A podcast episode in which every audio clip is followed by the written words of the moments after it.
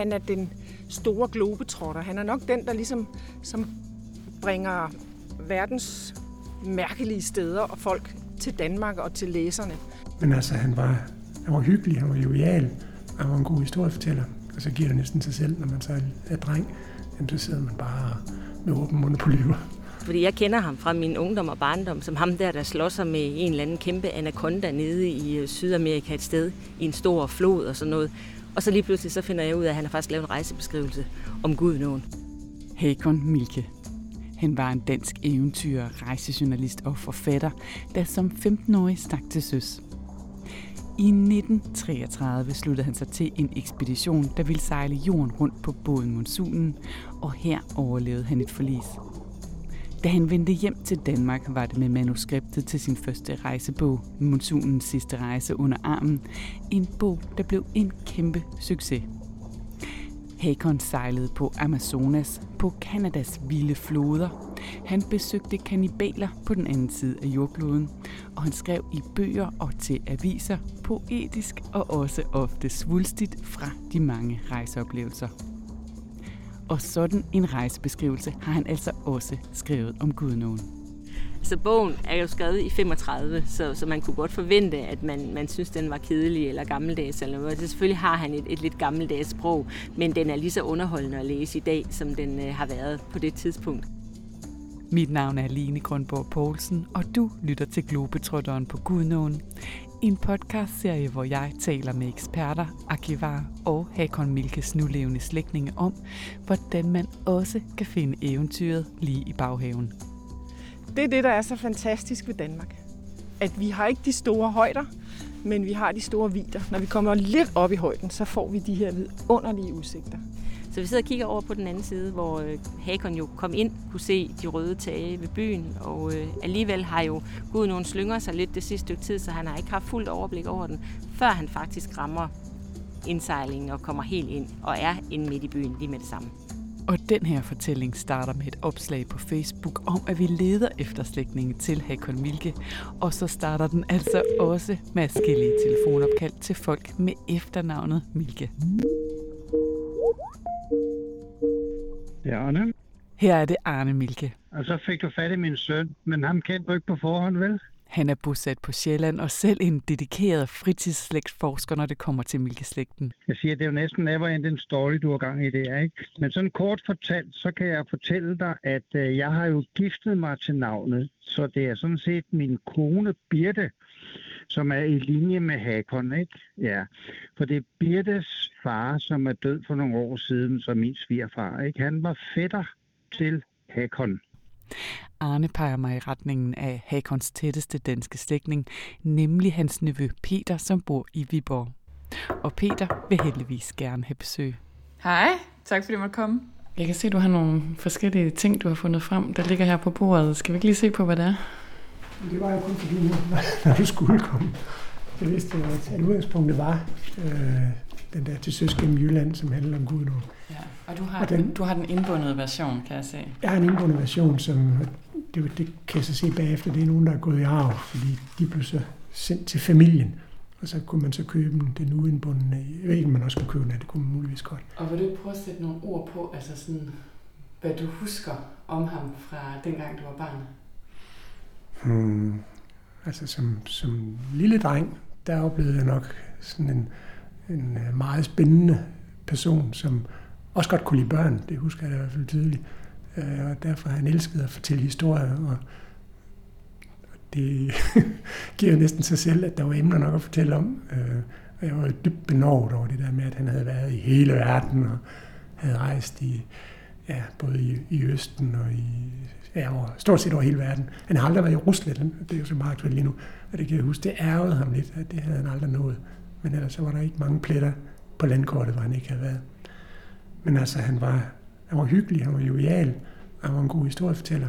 Og så giver det næsten sig selv, når man så er dreng, jamen, så sidder man bare med åben mund og polyper. Åben mund og polyper. Når man har læst Hakon Milkes fantastiske rejsebeskrivelser, er det ikke svært at forestille sig, hvor fascinerende et bekendtskab han må have været for barnet Peter, når de mødtes til store familiebegivenheder, eller når Peter sammen med forældrene var på besøg hos Milke og hans anden kone Sol i Schweiz. Som lidt, lidt ældre, der var jeg nogle gange på ferie med mine forældre, vi var på campingture, hvor vi flere gange i hvert fald var rundt om Schweiz, hvor han valgte at slå sig ned øh, og besøgte ham i en lille by, der hedder Lamone i Sydsvejs, øh, hvor han havde et fantastisk hus, synes jeg.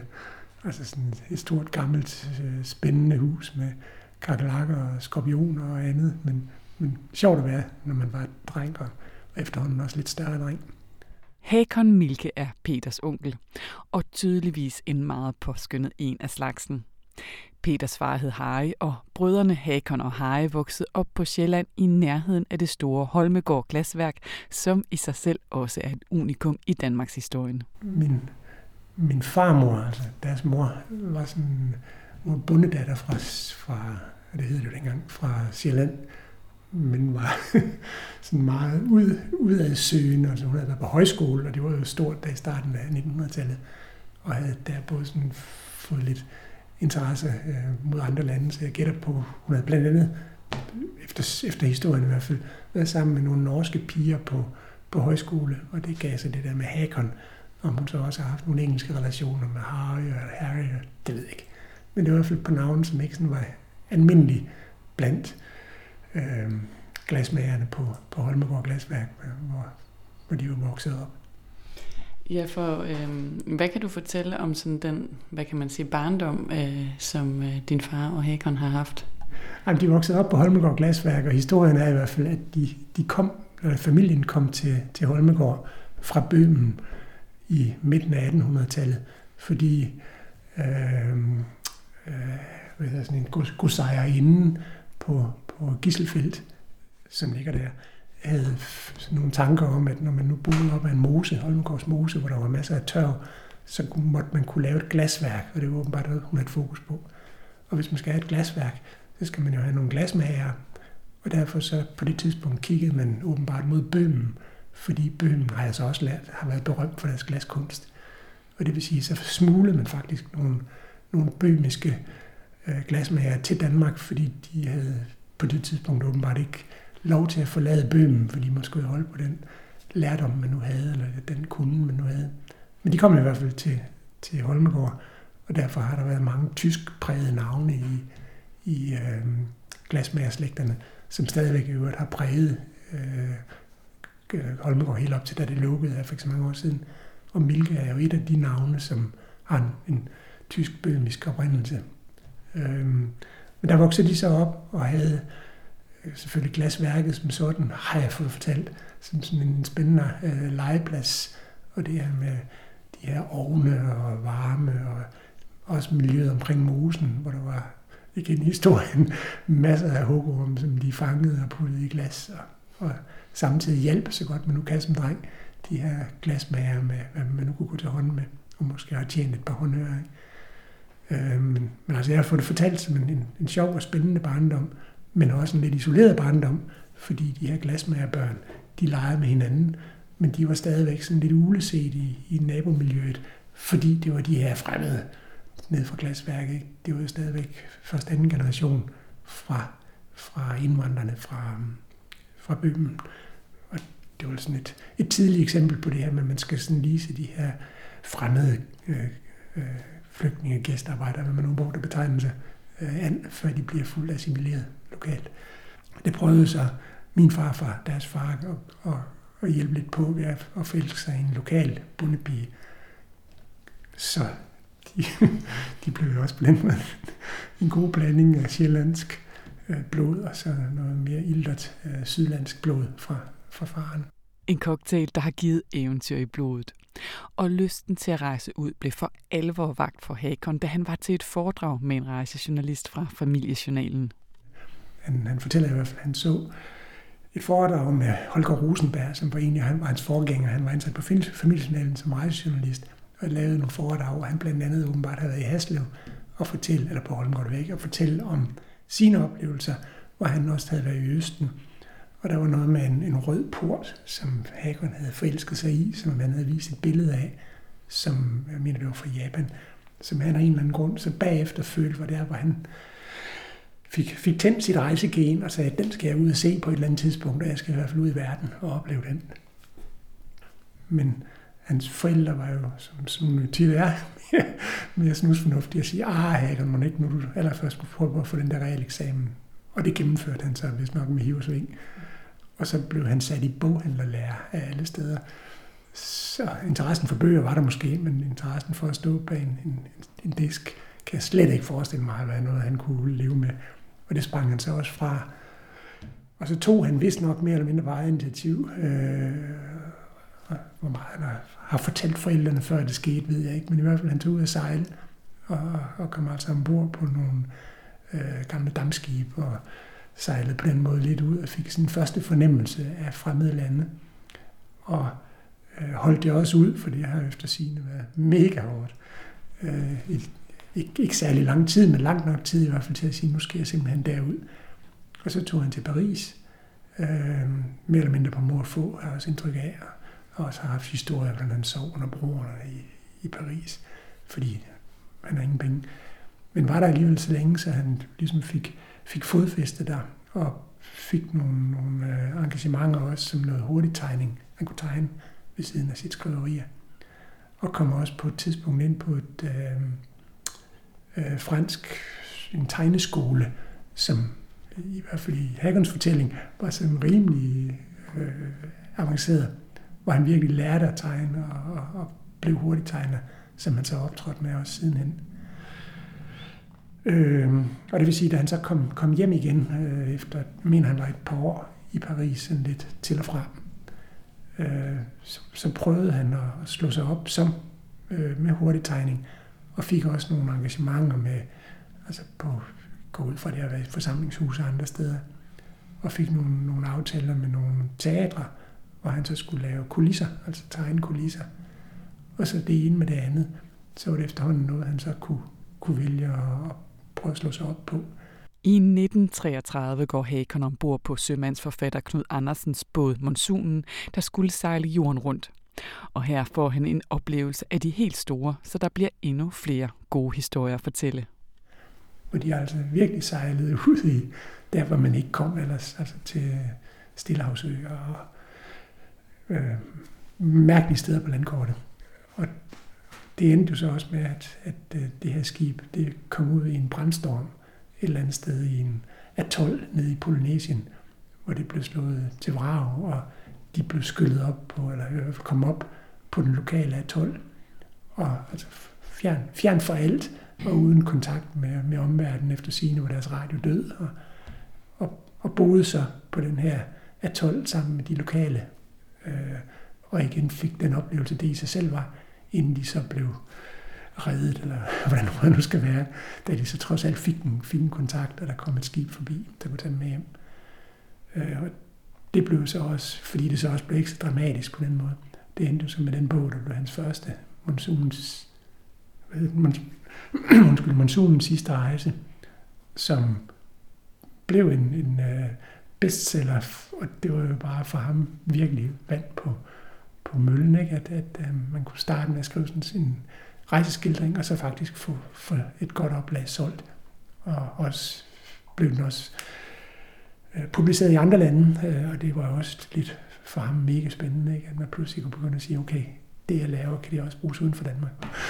Og jeg tror også, han var da, jeg ved ikke, om han var lystfisker, men han havde nok den samme tendens, ikke? at, at historien blev i hvert fald ikke mindre kedelig, når han fortalte om, han var jo veninde med dronningen af Samoa, og øh, jeg kan ikke huske det alle, men han er også med hans øh, kannibaler fra, fra New Guinea, som hvis det i øvrigt var, var autentisk nok, han havde været oppe i de her små kanniballandsbyer, hvor der reelt stadigvæk blev øh, dyrket kannibalisme, men hvor han jo så også trykkede hånd med høvdingen, og, og havde, kunne så fortælle om det der med, hvor han jo så var spændt på, om man nu endte i, i spisekammeret, eller han endte ved bordet, ikke?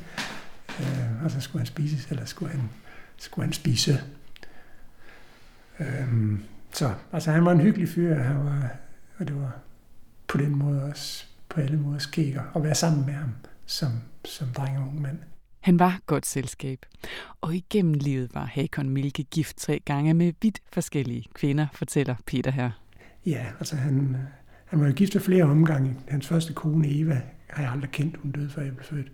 Men hans anden kone, Sol, var et studie, fordi lige så meget som, som Hagen kunne lide børn, og det kunne han virkelig, så indtryk af som, som mindre, at Sol, hun, hun om ikke havde børn, så i hvert fald havde et meget, meget anstrengt forhold til børn, der kunne finde på at pille og i det hele taget røre ved nogle af hendes ting. Øh, og det, det ægteskab, de to imellem, var for mig et, et meget, altså også set nu historisk, meget, meget specielt, fordi de var simpelthen så forskellige, som man næsten kunne være. Men de havde selvfølgelig noget med det kunstneriske øh, gen i sig begge to, og, og de havde rejst meget begge to, så der kunne de selvfølgelig mødes om det. Men persontyperne, det var altså sådan nat og dag, og det vil sige, der var nogle gange sådan lidt gnister i luften, når vi besøgte dem, fordi det var hyggeligt og dejligt at besøge farbror, men det kunne være lidt, lidt hårdt, når så Sol, hun blandede sig i selskabet, specielt som, som mindre barn. Hun var datter af, så vidt jeg husker, en skotsk mand og en meksikansk grevinde. Øh, det kunne måske også give lidt temperament, den kombination, og det gjorde det.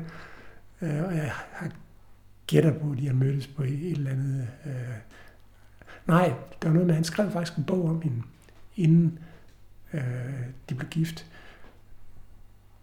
Den har jeg aldrig læst, den hedder Sol og Måne, altså Sol, ikke? Sol og Måne. Og handler nok om hendes liv, som i sig selv givetvis har været meget farvet og spændende. Og det har sikkert, været i forbindelse med, med den bog, hvor han så har skulle interviewe hende og snakke med hende.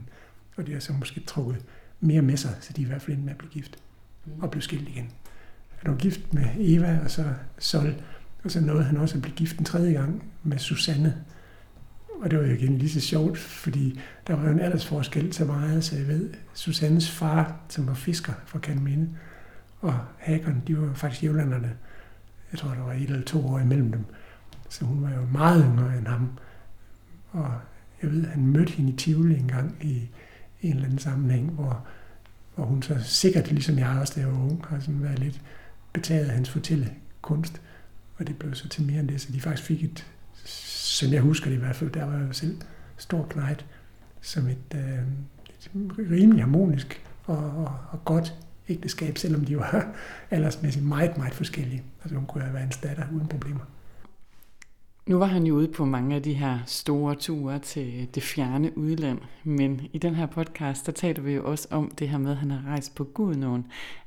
Var det noget, du var klar over, eller I har snakket om, at han også har taget de her ture herhjemme i Danmark? Ja, altså det, det har jo også været lidt en pointe, ikke? det der med, at, at ude er godt, men hjem, altså hjemme er bedst, eller hvordan man formulerer det, ikke? At, at der er også masser af, af spændende ting herhjemme.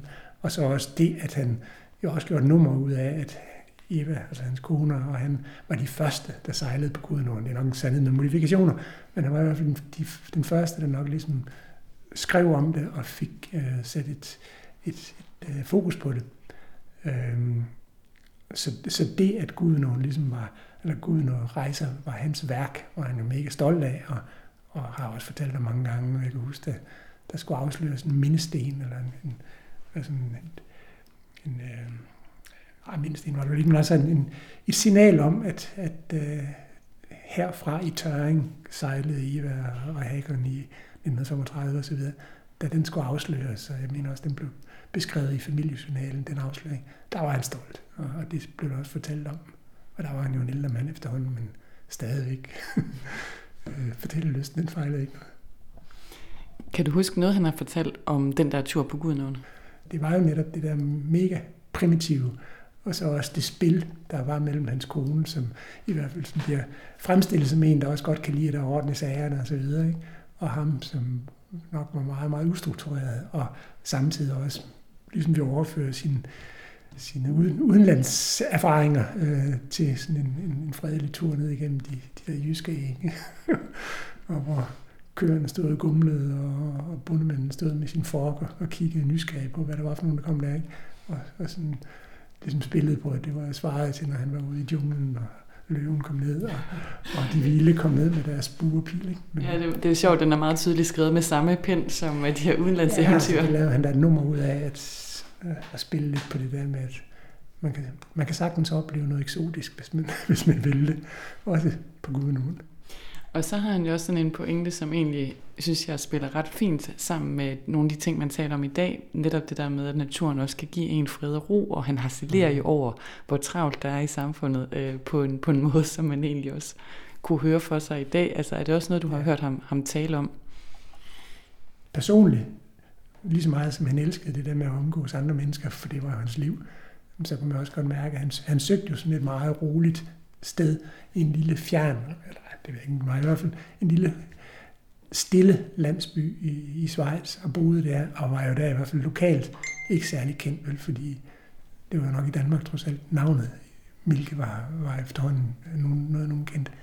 Så altså, fred og ro kunne han også godt lide, ikke? men hans liv var jo færdes der, hvor der ikke var fred og ro. Altså blandt mange andre mennesker.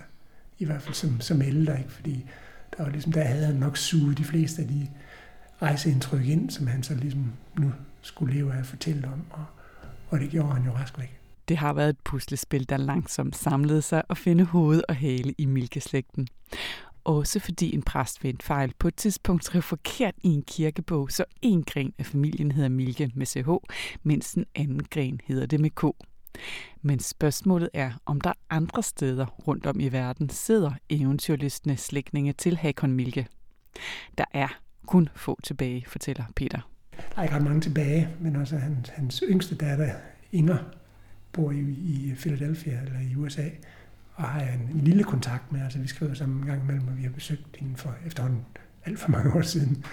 Øh, men det er jo faktisk den eneste sådan, i den tætte kreds, der er tilbage, fordi Inger har så børn i USA, som alle er, skal vi sige, amerikanere, som vi har mødt og, og har haft lidt snak med, men har ikke nogen egentlig kontakt med. Og Ulla, hans ældste datter, boede i Italien, lige uden for Rom, i faktisk hele sit voksne liv, og øh, er død nu, men havde, vi havde en lille bitte kontakt med hende, sådan lidt på julekort og fødselsdagsniveau. Og hendes datter Eva øh, havde jeg også som, som dreng en lille kontakt med, for vi var nærmest jævnaldrende. Så vi mødtes et par gange til familiefester. Men jeg har ikke nogen kontakt mere. Og Jørgen, som var den eneste af hende, hans børn, som blev i Danmark, det var måske også lidt specielt, ikke? Og som i øvrigt også blev journalist, og også blev ansat på Jyllandsposten. Øh, han er også død nu. Hans børn kender jeg ikke. Jeg mødte dem et par gange som barn, men har ikke i øvrigt nogen kontakt. Men det er jo sjovt det der med, at hans børn også er rejst ud.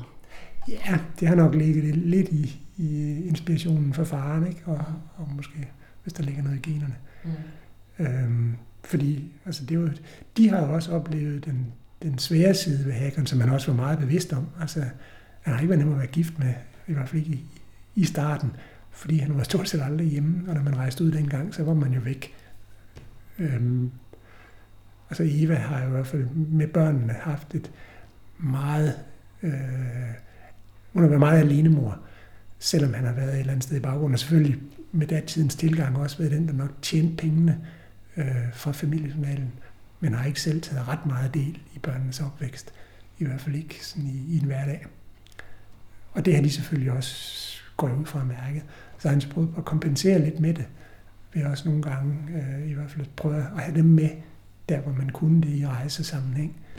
Altså Især han, han lavede en, bør, en bog, der hed Tre små øer, lige før krigen, hvor de var med øh, til, til, altså til, til de vestindiske øer, eller de gamle danske øer, øh, på sådan en rejsebeskrivelse. Og det blev der skrevet en bog om, og der blev lavet en film om. Og det har jo selvfølgelig nok også været for ham, både det, at det var lidt sjovt at opleve sammen med børnene, og så måske en eller anden dårlig samvittighed, så kompenserede lidt for det, at, at han aldrig var hjemme. Så kan man så sige, der, der hjalp krigen lidt, på det familiemæssige, ikke? fordi der var man jo pisket til at blive i Danmark. Han rejste lidt i Sverige, men ellers så var det jo øh, hjemlandet, der skulle, der skulle dyrkes der, og der har han jo så god grund været sammen med børnene. På det tidspunkt boede de i Roskilde i en kæmpe stor villa, øh, så den har han i hvert fald delt med sine børn. Ikke? Men tror du, at hans datter i USA ville tale med mig? Det tror jeg gerne. Altså, hun er jo også en ældre dame nu. Hun er fra 39, mener jeg, men er frisk og absolut, og mega sød. Ja. Så, øh, så hende må jeg gerne få øh, det må du tak, på at skrive til hende. Det kunne ja. ja. Du har lyttet til første afsnit af serien Globetrotteren på Gudnåen, hvor vi har nærmet os, hvem eventyren, rejsejournalisten og forfatteren Hakon Milke var. Vi slutter af her med, at jeg overtaler Peter Milke, altså Håkons nærmeste herboende danske slægtning, til at læse indledningen til bogen til Søs Jylland, som Hakon skrev om netop sin rejse på Gudnåen. Lave nogle mega lange sætninger. Altså, han sætter ikke ret mange punktummer, hvilket jeg altid selv har lært. Husk at sætte punktum. Men øh, jeg vil gerne prøve. Vi har så forfærdeligt travlt til hverdag, og derfor skal vi også have indtryk af travlhed og trængsel med langt ind i vores hvilestunder. Men øh, det er dog alligevel naturen, der kalder. Det er så forbistret behageligt og så ganske usædvanligt mærkeligt at opdage, at man egentlig har mere end tid nok, at der slet ikke er noget at jage efter, og at man kan være så beskæftiget midt i et forfærdeligt umoralsk driveri, at man slet ikke lægger mærke til, at man ligger på maven med en lille bæk og ikke har bestilt noget, ikke har flyttet sig en tomme over jordens elgamle overflade i den sidste time. I næste afsnit af podcasten kan du komme med ud på den rejse, Hakon Milke tager på Gudnåen med sin kone tilbage i 1935. Vi skal fra udspringet i Tindet og hele vejen op langs åen på jagt efter autentiske og unikke oplevelser. Altså, han er jo globetrotteren. Han vil gerne hen et sted, hvor ingen andre har været, eller kun få kommer. Og det finder han her på Sukkertoppen, hvor han virkelig får tilfredsstillet sit ønske om at gøre den her tur også til en ekspedition. Her var det Lis Tavlov fra Silkeborg Kiv, som har undersøgt Hakons rejse på Gudnåen. En rejse, der senere skulle kickstarte en helt turistindustri. Og så kan du også komme med Lis på jagt i arkivet for at finde ud af, hvordan rejsen tilbage i 30'erne blev dækket af den lokale presse. Men, men her kan vi altså se øh, en øh, lidt guldnet øh, avisside, som har været bragt den 30. juni 1935. Alt det og meget mere skal vi nå i næste afsnit. Vi lyttes ved.